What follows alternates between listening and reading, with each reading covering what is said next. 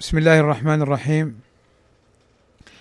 إن الحمد لله نحمده ونستعينه ونستغفره ونعوذ بالله من شرور أنفسنا ومن سيئات أعمالنا.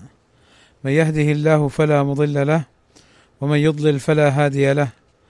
وأشهد أن لا إله إلا الله وحده لا شريك له. وأشهد أن محمدا عبده ورسوله. ألا وإن أصدق الكلام كلام الله.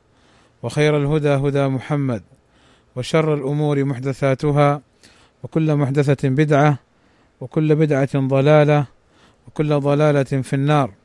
أما بعد فقد سبق معنا ما يتعلق بقول الإمام أحمد رحمه الله تعالى أصول السنة عندنا التمسك بما كان عليه أصحاب رسول الله صلى الله عليه وسلم والاقتداء بهم. وترك البدع وكل بدعة فهي ضلالة وترك الخصومات والجلوس مع أصحاب الأهواء وترك المراء والجدال والخصومات في الدين. وتدارسنا أهمية بل ضرورة فهم الكتاب والسنة على فهم السلف الصالح رضوان الله عليهم. فهو أمر واجب على المسلمين لفهم هذا الدين. وقول الإمام أحمد رحمه الله تعالى أصول السنة عندنا أي التي أدركنا عليها علماءنا وأئمتنا والتي سار عليها سلفنا الصالح عمن قبلهم إلى الصحابة هذه الأمور المذكورة في الرسالة في رسالة أصول السنة. وكان من أولها بل ومن أعظمها التمسك بما كان عليه أصحاب رسول الله صلى الله عليه وسلم. وقد ذكرنا الأدلة على ذلك في اللقاء السابق وهي أدلة كثيرة بل وإجماع أهل العلم على ذلك. ثم قال الإمام أحمد رحمه الله تعالى والإقتداء بهم أي الإقتداء بالصحابة رضوان الله عليهم فهم أسوة لنا. وهم رضي الله عنهم وأرضاهم لهم من الفضل والمنزلة والمكانة ما يجعلهم بهذه المرتبة أعني الاقتداء بهم. ولذلك ابن مسعود رضي الله عنه وأرضاه عبد الله بن مسعود رضي الله عنه وأرضاه حين قال من كان مستنا أي مقتديا فليستن بمن قد مات. أي فليقتدي بمن قد مات أي بالصحابة رضوان الله عليهم. فإن الحي أي من بعد الصحابة لا تؤمن عليه الفتنة. يعني ليس معصوما من الخطأ. أما الصحابة رضوان الله عليهم في فهمهم لهذا الدين وفي نقلهم لهذا الدين وفي بيانهم لمراد الله عز وجل ومراد رسول الله صلى الله عليه وسلم فهم المرجع الواجب على جميع المسلمين أن يرجعوا إليهم. فهم أطهر الناس وأنقى الناس كفاهم شرفا صحبة النبي صلى الله عليه وسلم بل وكفاهم شرفا أن رضي الله عنهم وأرضاهم وأن شهد لهم الله سبحانه وتعالى بالفضل والمكانة. لذلك يقتدى بهم ومعنى يقتدى بهم أي يرجع إليهم ونتأسى بهم ونعمل كما عملوا. وذلك كما ذكر أهل العلم في أبواب من الدين. فقول الصحابة رضوان الله عليهم في هذه الأبواب مقدم بل وواجب الرجوع إليه. من ذلك في تفسير كتاب الله تعالى. فالصحابة رضوان الله عليهم هم أعلم الناس بعد رسول الله صلى الله عليه وسلم بمراد الله في كتابه. وأيضا في الأمور التي ليست مجالا للاجتهاد كالعبادات ونحوها فإن الصحابة رضوان الله عليهم يرجع إلى فهمهم وفقههم لهذا الباب. وأيضا في الأمور الغيبية إذا ذكر ابن عباس أو ابن مسعود أو غيرهما رضي الله عنهم أجمعين إذا ذكروا قضية متعلقة بأمر غيبي فإنهم كما نص أهل العلم لا يتكلمون في دين الله بالرأي والهوى وإنما تلقوه عن النبي صلى الله عليه وسلم وفهموه عن النبي صلى الله عليه وسلم. كذلك قول الصحابة رضي الله عنهم إذا لم يختلفوا. وكانت كلمتهم في هذه المسألة واحدة فإنه معتمد عند أهل العلم. وكذلك قول الصحابي الذي لا يعلم له مخالف فإنه معتمد عند أهل العلم. وأما إذا اختلف الصحابة رضوان الله عليهم في المسألة فإن الإمام أحمد وغيره من أهل العلم كانوا يتخيرون من أقوالهم ولا يخرجون عن أقوالهم. فلو كان للصحابة في المسألة الواحدة ثلاث أقوال مثلا لا يحدث الإمام أحمد ولا غيره من الأئمة قولا رابعا بل يقتصرون ويكتفون بقول الصحابة رضوان الله عليهم. مرة يفتون بهذا ومرة يفتون بهذا. فالصحابة رضوان الله عليهم كما سبق قلوبهم طاهرة نقية وأعمالهم زكية. شهدوا التنزيل وعلموا وفقهوا عن رسول الله صلى الله عليه وسلم مراده. لذلك كانوا محطة للاقتداء بهم والاتباعهم أما قال الله عز وجل والسابقون الأولون من المهاجرين والأنصار والذين اتبعوهم بإحسان فبين سبحانه وتعالى أن الصحابة رضي الله عنهم من المهاجرين والأنصار يتبعون فنحن نقتدي بهم ونرجع إليهم. واعلموا بارك الله فيكم أن هذا الأصل العظيم هو الفرق والفيصل بيننا وبين كل من خالف الحق. كل هذه الجماعات الحزبية والسياسية كل هذه الجماعات المنحرفة ضلت وكان من أبرز أسباب ضلالها مخالفتها للكتاب والسنة أو مخالفتها لفهم الكتاب والسنة وعدم الرجوع لفهم السلف الصالح. رضوان الله عليهم أجمعين. لذلك على المسلم أن يجعل قدوته بعد رسول الله صلى الله عليه وسلم في الصحابة الكرام. أما من بعدهم فكل يؤخذ من قوله ويرد ولا يعلق الحق بالأشخاص وإنما يعرف الحق فيتبعه. وأما الذين يتعصبون للأشخاص ويعظمونهم ويقدسونهم فإن أولئك قد يصابون بأمراض في قلوبهم بسبب ردهم للحق فليحذروا. هذا المسلك الوخيم وليسلكوا سبيل سلفهم الصالح رضوان الله عليهم.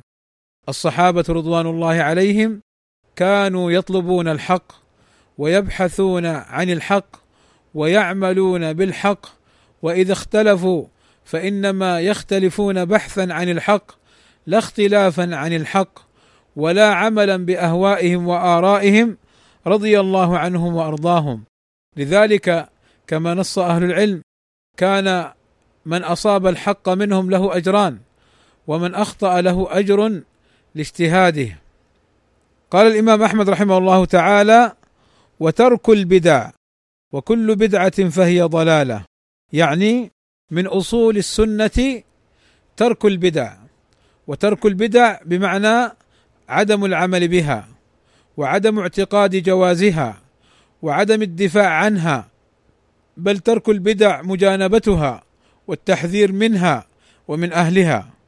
ما هي البدعة؟ البدعة كما قال أهل العلم كل قول أو فعل يتقرب به إلى الله لم يكن عليه النبي صلى الله عليه وسلم ولا أصحابه الكرام. كل قول أو فعل يتقرب به إلى الله لم يكن عليه يعني لم يفعله النبي صلى الله عليه وسلم ولا أصحابه الكرام. هذه هي البدعة طريقة محدثة مخترعة. كل مسلم يعلم يقينا كل مسلم سني يعلم يقينا أن هذا الدين كامل ليس بحاجة إلى نقص ولا إلى زيادة. ونحن نوقن بأن النبي صلى الله عليه وسلم قد بلغ ما أمره الله به. ولذلك نحن نسأل سؤالا لمن أتى ببدعة من قول أو فعل؟ نقول له هل فعله النبي صلى الله عليه وسلم؟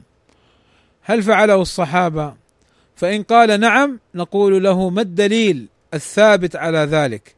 فإن ثبت بالدليل عملنا به وإن لم يثبت بالدليل ولم يفعله الصحابة رضوان الله عليهم ولا فعله النبي صلى الله عليه وسلم فإننا لا نعمله بل نتركه ونحذر منه. لماذا؟ لأن البدعة كما قال أهل العلم فيها طعن في النبي صلى الله عليه وسلم. كيف طعن بالنبي صلى الله عليه وسلم؟ نقول قال الله تعالى اليوم أكملت لكم دينكم وأتممت عليكم نعمتي ورضيت لكم الإسلام دينا.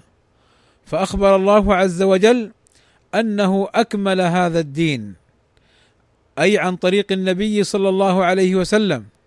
كما قال الله عز وجل يا أيها الرسول بلغ ما أنزل إليك من ربك وإن لم تفعل فما بلغت رسالته والله يعصمك من الناس. فهذا المبتدع الذي جاء ببدعة هو يقول هذا الدين الذي جاء به النبي صلى الله عليه وسلم من عند الله غير كاف وأنا بحاجة وأنا بحاجة إلى هذه الزيادة. وهذه الزيادة أنا أعمل بها أتقرب إلى الله عز وجل. فنقول كما قال الإمام مالك رحمه الله تعالى وغيره من السلف من ابتدع في الدين بدعة فقد رمى النبي صلى الله عليه وسلم بالخيانة أي بكتمان الرسالة. الرسول صلى الله عليه وسلم في حجة الوداع كان يكلم الصحابة رضوان الله عليهم ويكرر ألا هل بلغت؟ ألا هل بلغت؟ ألا هل بلغت؟ اللهم فاشهد. أي ألا هل بلغت دين الله؟ وأكملت لكم ما بعثت به. وشهد الصحابة رضوان الله عليهم أجمعون. شهدوا بذلك أن النبي صلى الله عليه وسلم قد أكمل هذا الدين. فلماذا البدع؟ ولماذا هذه الضلالات؟ ولكنها من تزيين الشياطين وتزيين الشيطان للإنسان ليحرفه على الحق. تأملوا معي هذا الحديث العظيم. جاء ثلاثة نفر من أصحاب النبي صلى الله عليه وسلم فسألوا عن عبادته. سألوا أهل بيته عن عبادة النبي صلى الله عليه وسلم. فلما علموا بها رأوها قليلة تقالوها. رأوها قليلة وظنوا أن النبي صلى الله عليه وسلم قد غفر الله له ما تقدم من ذنبه وما تأخر وبالتالي هو لا يحتاج عليه الصلاة والسلام إلى عمل كثير. فلما علموا عبادة النبي صلى الله عليه وسلم قال أحدهم أنا أقوم الليل ولا أنام. وقال الآخر أنا أصوم ولا أفطر. وقال الآخر أنا لا أتزوج النساء. هكذا رضي الله عنهم وأرضاهم. قالوا هذا القول ظنا منهم كما سبق بل وصرحوا في الرواية أن النبي صلى الله عليه وسلم قد غفر الله له ما تقدم من ذنبه. أي وأنهم هم بحاجة إلى العمل الزائد ليبلغوا درجات عالية وليس مرادهم في هذا الكلام التقليل من شأن النبي صلى الله عليه وسلم وإنما مرادهم أنهم في أنفسهم بحاجة إلى هذه العبادة والزيادة منها. فلما بلغ النبي صلى الله عليه وسلم قولهم خطب فقال ما مقالة سمعتها من بعض الناس؟ أما إني أصوم وأفطر وأقوم وأنام وأتزوج النساء بل قال قبلها أما إني أعلمكم بالله وأخشاكم له وأتقاكم له أما إني أقوم وأنام وأصوم وأفطر وأتزوج النساء فمن رغب عن سنتي فليس مني. أي اقتدوا بسنتي وتمسكوا بفعلي وقولي ولا تحدثوا أمرا جديدا لأن من أحدث أمرا جديدا لا يقبل منه. كما قال عليه الصلاة والسلام من أحدث في أمرنا هذا ما ليس منه فهو رد.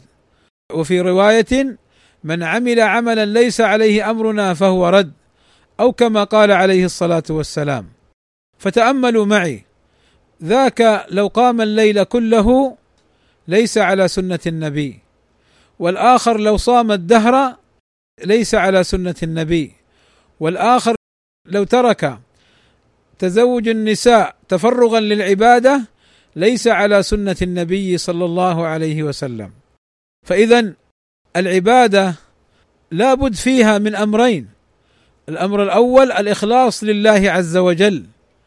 والأمر الثاني المتابعة لسنة النبي صلى الله عليه وسلم. فاذا هذه البدع والضلالات لا يقبلها الله عز وجل.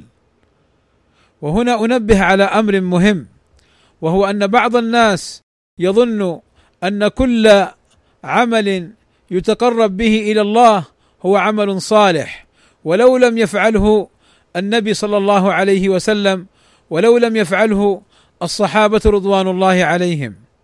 والصحابة رضي الله عنهم لا يأتون بشيء محدث إنما كما سبق هم فهموا الدين وعملوا به وفهموا مراد الله ومراد رسوله صلى الله عليه وسلم. والرسول كما سبق معنا قال ما أنا عليه اليوم وأصحابي لذا كانوا محطة للاتباع رضي الله عنهم. فبعض الناس يظن أنه كل عمل في ظاهره الصلاح أنه صالح وهذا خطأ.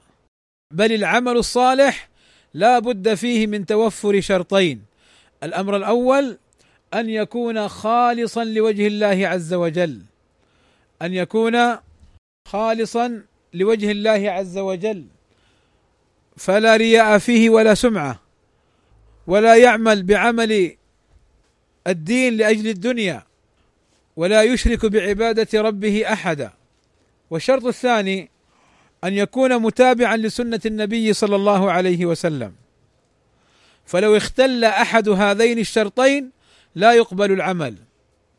فمن صلى الضحى رياء ليراه الناس فيمدحوه لا يقبل الله عز وجل منه هذا العمل.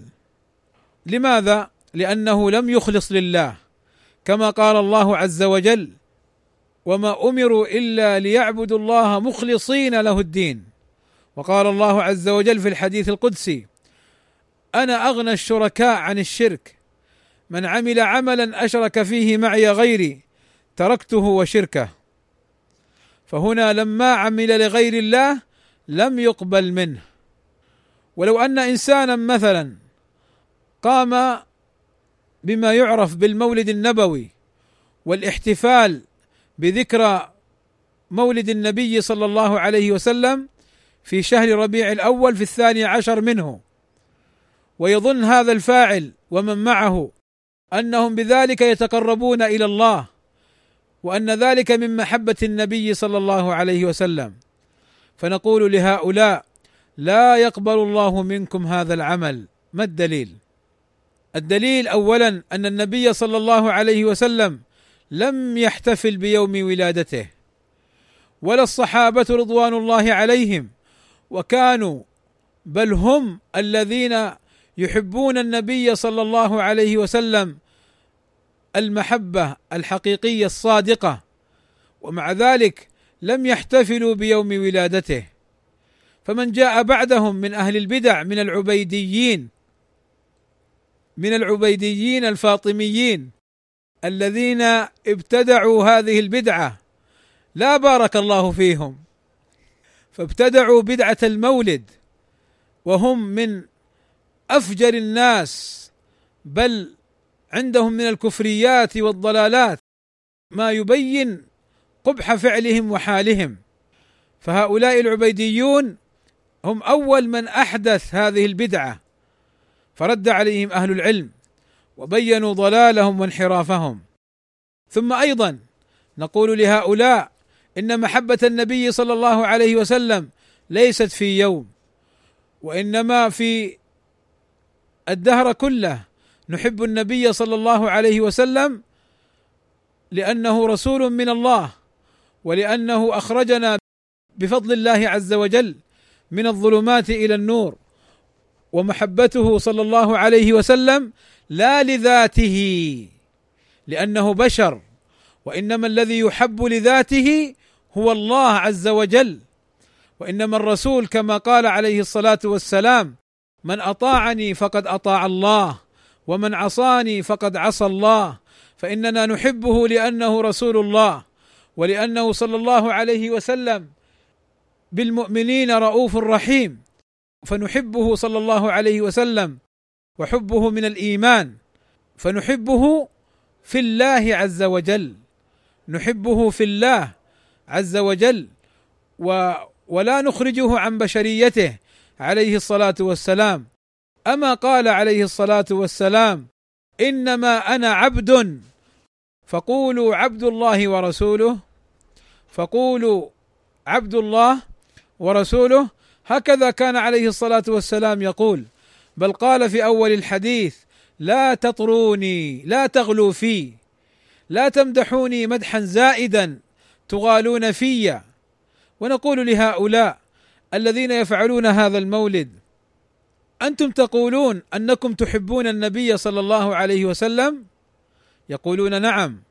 نقول من كان يحب النبي صلى الله عليه وسلم فإن البرهان على محبة النبي صلى الله عليه وسلم هو اتباعه في فعله وأقواله وفي سنته ونشرها في الناس وتعليم الناس السنة ومحاربة البدع والضلالات. لا أن تأتوا ببدعة وضلالة. أحدثها العبيديون الضلال. ثم تزعمون أنكم تحبون النبي صلى الله عليه وسلم. أما قال الله عز وجل قل إن كنتم تحبون الله فاتبعوني يحببكم الله. إن من أبرز علامات محبة النبي صلى الله عليه وسلم اتباع سنته والعمل بها ونشرها بين الناس ومحاربة البدع والضلالات التي تقطع. كما قال ابن قيم الجوزية إن البدع والضلالات تقطع وصول الثواب إلى النبي صلى الله عليه وسلم. كيف ذلك؟ البدع والضلالات لا ثواب فيها بل من يعملها وهو يعلم أنها بدع وضلالات عليه إثم ووزر. فإذا عمل الناس بالبدع والضلالات لا يصل للنبي صلى الله عليه وسلم أجر منها. ولكن إذا عملوا الناس بالسنة وصل أجرها للنبي صلى الله عليه وسلم. فيا أمة محمد صلى الله عليه وسلم إن كنا نحب النبي صلى الله عليه وسلم فاولا نتعلم سنته عليه الصلاة والسلام وهديه في أقواله وأعماله ثم نطبقها ونعمل بها ثم ندعو الناس إليها وننشر سنته بين الناس ثم أيضا نبين أن كل ما خالف سنته عليه الصلاة والسلام أنه لا يقبل ولا يفعل. وأننا نترك ذلك. هكذا محبة النبي صلى الله عليه وسلم. طاعته عليه الصلاة والسلام فيما أمر واجتناب ما نهى عنه وزجر. لذلك الإمام أحمد رحمه الله تعالى في مقدمة هذه الأصول أعطانا وعلمنا رحمه الله تعالى رحمة واسعة اصولا عظيمة. لذلك كما سبق عن الإمام أحمد رحمه الله تعالى أنه جعل في مقدمة أصول السنة اتباع الصحابة وترك البدع. اتباع الصحابة وترك البدع فأغلق الباب على المحدثات والبدع والضلالات. قال الإمام أحمد رحمه الله تعالى وكل بدعة فهي ضلالة. وهذا من الإمام أحمد بيان لأمر مهم وشبهة خطيرة عند بعض الناس.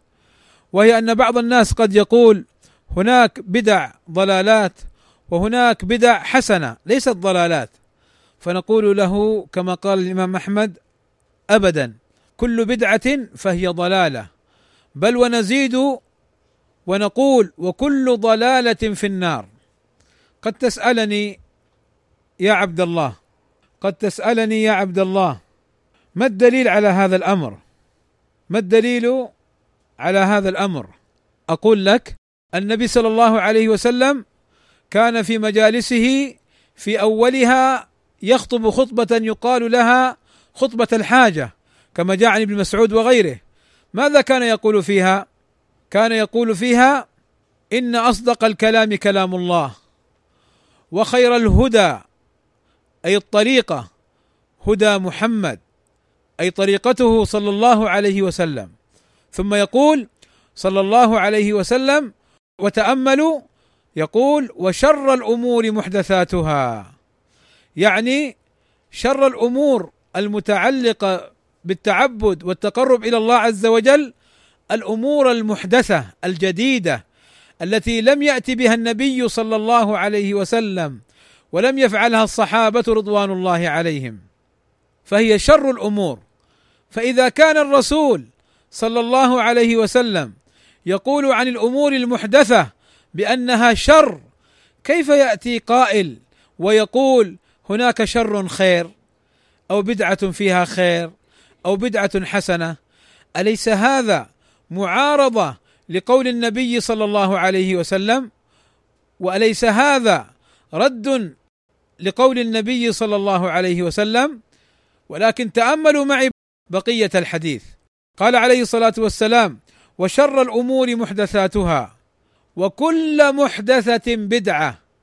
بين أن الأمور المحدثة هي بدع وضلالات. طيب في بدعة حسنة وفي بدعة سيئة؟ قال عليه الصلاة والسلام وكل بدعة ضلالة. ضلالة يعني انحراف وذنب وعمل لا يقبل انحراف عن الحق. ضلالة بدع وضلال. طيب قد يقول قائل هناك بدع وضلالات ولكن ضلالة حسنة. نقول وكل ضلالة في النار كما قال النبي صلى الله عليه وسلم وكل ضلالة في النار. يا عباد الله هل هناك ضلالة بدعة حسنة في النار؟ هل يوجد مثل هذا؟ ما هذا التناقض؟ ما هذا التناقض عند بعض المسلمين؟ هدانا الله وإياهم للصواب. كيف بدعة حسنة؟ يعني هل الرسول قصر؟ كيف بدعة حسنة؟ والرسول يقول كل بدعة ضلالة كل كل ما في شيء يخرج منها. كل كما قال العلماء من أصرح ألفاظ العموم. ويقول كل ضلالة في النار. هل هناك حسنة تقود إلى النار؟ يا عباد الله تأملوا. تفكروا. دعوا البدع والضلالات دعوا الأمور المحدثة فإنها لا خير فيها. والله إن الخير كل الخير فيما كان من سنة النبي صلى الله عليه وسلم وما كان عليه أصحابه الكرام. ووالله إن الشر كل الشر في الشرك والمحدثات والبدع والضلالات. فاجتنبوها بارك الله فيكم واحذروها وحذروا منها ونفروا عنها بالحكمة والموعظة الحسنة. ولذلك الإمام أحمد رحمه الله تعالى حين قال وترك البدع وكل بدعة فهي ضلالة. كأنه يقول احذر من قول من يقول بأن هناك بدعة حسنة. ولا يصح عن إمام من أئمة السنة أنه قال بالبدعة الحسنة. كالإمام أحمد والشافعي وغيرهم من أئمة الهدى والسنة لم يقولوا هذا. وإن قالها بعض من يعني وإن قالها بعض ممن حمل العلم فقوله خطأ وباطل لا يقبل. لا تعظموا الخلق. بعض الناس يقول لا العالم الفلاني هو الذي قال هناك بدعة حسنة. طيب العالم الفلاني هو رسول الله؟ العالم الفلاني أمرنا أن نتبعه لأقواله ولا أمرنا أن نتبع العلماء ونرجع لهم للحق الذي عندهم للحق الذي عندهم الذي هو الكتاب والسنة. وما كان عليه سلف الأمة. نحن لا نقول إن العلماء معصومون قد يخطئون ولا يتابعون على خطئهم. لذلك قال عمر رضي الله عنه يهدم هذا الدين ثلاثة وذكر منها زلة عالم يعني خطأه. قد يخطئ العالم فيتبعه الناس على خطئه. لذلك يا عبد الله أنت عليك أن تحرص على أن تعمل بالكتاب والسنة وما كان عليه سلف الأمة وأن تبحث عن ذلك بسؤال العلماء ما الدليل على هذا؟ ما الدليل على هذا؟ قال الإمام أحمد رحمه الله تعالى وترك الخصومات أي من أصول السنة عندنا ترك الخصومات أي أنك تجتنب وتبتعد عن الخصومات. ما هي الخصومات؟ الخصومات جمع خصومة والخصومة هي المجادلة والتخاصم في الأمر في النصوص الشرعية فتأتي بآية تتعلق مثلا بالقدر أو بآية تتعلق بالإيمان بالله ونحو ذلك ثم تخاصم وتجادل وتعترض وتناقش إن من أبرز صفات المسلم الاستسلام لله عز وجل والانقياد والقبول لأوامر الله عز وجل. وما كان لمؤمن ولا مؤمنة إذا قضى الله ورسوله أمرا أن يكون لهم الخيرة من أمرهم. وقال عز وجل فلا وربك لا يؤمنون حتى يحكموك فيما شجر بينهم ثم لا يجدوا في أنفسهم حرجا مما قضيت ويسلموا تسليما. المسلم ما يخاصم. هذا حرام. لقول الله تعالى كذا سمعا وطاعة. إنما كان قول المؤمنين إذا دعوا إلى الله ورسوله ليحكم بينهم أن يقولوا سمعنا وأطعنا. هكذا يقول المؤمن. آمن الرسول بما أنزل إليه من ربه والمؤمنون. هذا هو الإيمان والاستسلام لله عز وجل. أما أن يقال لك هذا حرام فتقول لماذا حرام؟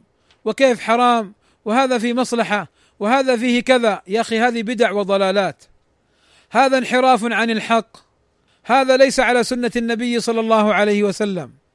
فاحذر بارك الله فيك من الخصومات. في الدين ومن الاعتراض على أمر الله عز وجل وعلى أمر رسول الله صلى الله عليه وسلم كحال أهل البدع والأهواء. فالمسلم لا يجادل ولا يخاصم إلا من باب بيان الحق بالتي هي أحسن. فيبين كما قال الإمام مالك رحمه الله تعالى أخبر بالسنة ولا تجادل عنها. يعني إذا رأيت إنسانا يخالف الحق فقلت له هذا القول باطل لقول رسول الله صلى الله عليه وسلم كذا وكذا. فقال لا هذا كذا وهذا كذا فاتركه ولا تجادله. لماذا؟ لأنه إذا لم يحترم سنة النبي صلى الله عليه وسلم فلن يحترمك. ولأنه إذا لم ينقد ويسمع ويطع لسنة الرسول صلى الله عليه وسلم فلن يسمع لك. ولأنك أنت يا عبد الله نفسك لا تأمن على نفسك الفتنة فقد يجادلك في حديث رسول الله صلى الله عليه وسلم فيؤثر في نفسك شيئا من قبول حديث رسول الله صلى الله عليه وسلم.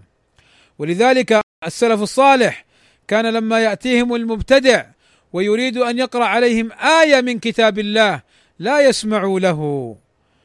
ولذلك أيضا في صحيح مسلم وغيره أن النبي صلى الله عليه وسلم أخبر بأن الشيطان يأتي أحدنا فيقول هذه السماوات خلقها الله وهذه الأرض خلقها الله وهذه الجبال خلقها الله فمن خلق الله؟ هكذا يقول الشيطان للإنسان ماذا يقول الرسول لنا؟ وماذا علمنا؟ قال صلى الله عليه وسلم فقولوا آمنا بالله ورسوله. آمنت بالله ورسله. آمنت بالله ورسوله. هكذا جاء في الروايات. ما قال لنا رسول الله صلى الله عليه وسلم قولوا له إن الله خالق كل شيء والله لم يخلقه شيء والله أحد فرد. لا لا لا ما علمنا هذا. بل علمنا أن نغلق باب الخصومات والجدال في هذا الأمر مع الشيطان. هذا تعليم لنا أن لا نخض في النصوص الشرعية ولا نجادل فيها مع من لم يؤمن بها ولم يسلم لها. ولذلك نجد أن بعض الناس لما جادل أهل الأهواء كما قال ابن بطة وغيره من أهل العلم يقول أدركنا اناسا كانوا على السنة فجالسوا أهل الأهواء من باب المناصحة يعني يبينون لهم الحق فجالسوهم أي وخاصموهم وجادلوهم حتى انقلبوا معهم وصاروا أعداء للسنة. انظروا بارك الله فيكم كانوا يريدون أن يهدوهم ويريدون أن يبينوا الحق لهم فخاصموهم وجادلوهم فوقعوا في حبالهم. لذلك الإمام أحمد يقول لنا جميعا لا تخاصموهم. اتركوا الخصومات والجدال في الدين لأن من خاصم وجادل في الحق الظاهر فهو لا يوفق له. وهذا من علامات عدم إرادته. وكان بعض أهل العلم يقول المجالسة للمناصحة فتح باب للفائدة. أنا أجلس معك أذكر لك أدلة وتذكر لي أدلة ونتفقه في دين الله نستفيد أنصحك وتنصحني. وأما المجالسة للمناظرة أي وللخصومه والجدال فهو غلق باب للفائدة. وهذا القول من هذا الإمام وهو البربهاري فيما قيل هذا القول مهم لأن بعض الناس لما تقول له يا أخي اتركه لا تجادله يقول لا لا أنا أبغى أستفيد أنا أبغى أفهم أنا أبغى أفهمه. أنا أبغى أستفيد. هو يقول لك يقول لك احذر فإن هذه الخصومات وهذه المناظرات وتلكم المجادلات تغلق الفائدة. لا تصلون للفائدة. لماذا لا تصلون للفائدة؟ لأنكم لم تسلكوا السبيل الشرعي للوصول للعلم والفائدة. فإن السبيل الشرعي للوصول للعلم والفائدة عدم الخصومة وعدم المناظرات وعدم المجادلات. ثم قال أيضا والجلوس مع أصحاب الأهواء. يعني من أصول السنة عندنا عدم الجلوس ترك الجلوس مع أصحاب الأهواء. وهذا من الإمام أحمد رحمه الله تعالى كما سبق أصل عظيم. وسيأتي إن شاء الله بيانه في اللقاء القادم بإذن الله تعالى. أسأل الله عز وجل أن ينفعني وإياكم بما قد سمعنا وأن يجعله حجة لنا لا حجة علينا. وهذا يسأل عن ما المراد بالعبيديين؟ من آل بيت رسول الله؟ وهل هم من الشيعة أم من السنة؟ فالجواب عن هذا العبيديين الفاطميين الإسماعيليين هم من الرافضة من أصحاب المذهب الإسماعيلي. ومؤسس المذهب الإسماعيلي العبيدي رجل يدعى بعبد الله بن ميمون القداح اليهودي. وسموا بالعبيديين نسبة له لأنه عبد الله فهم أتباع عبد الله فيقال أتباع العبيدي. وسموا بالإسماعيليين لانتسابهم لإسماعيل بن جعفر الصادق كأحد أئمتهم وسموا بالفاطميين لادعائهم كذبا وزورا بأنهم من ولد فاطمة الزهراء. معاذ الله من ذلك. وكانت أول دولتهم في تونس بين قبائل البربر ثم توسعوا لتشمل دولتهم معظم شمال أفريقيا. فهذا جواب عن سؤال ورد إلي ما المراد بالفاطميين العبيديين.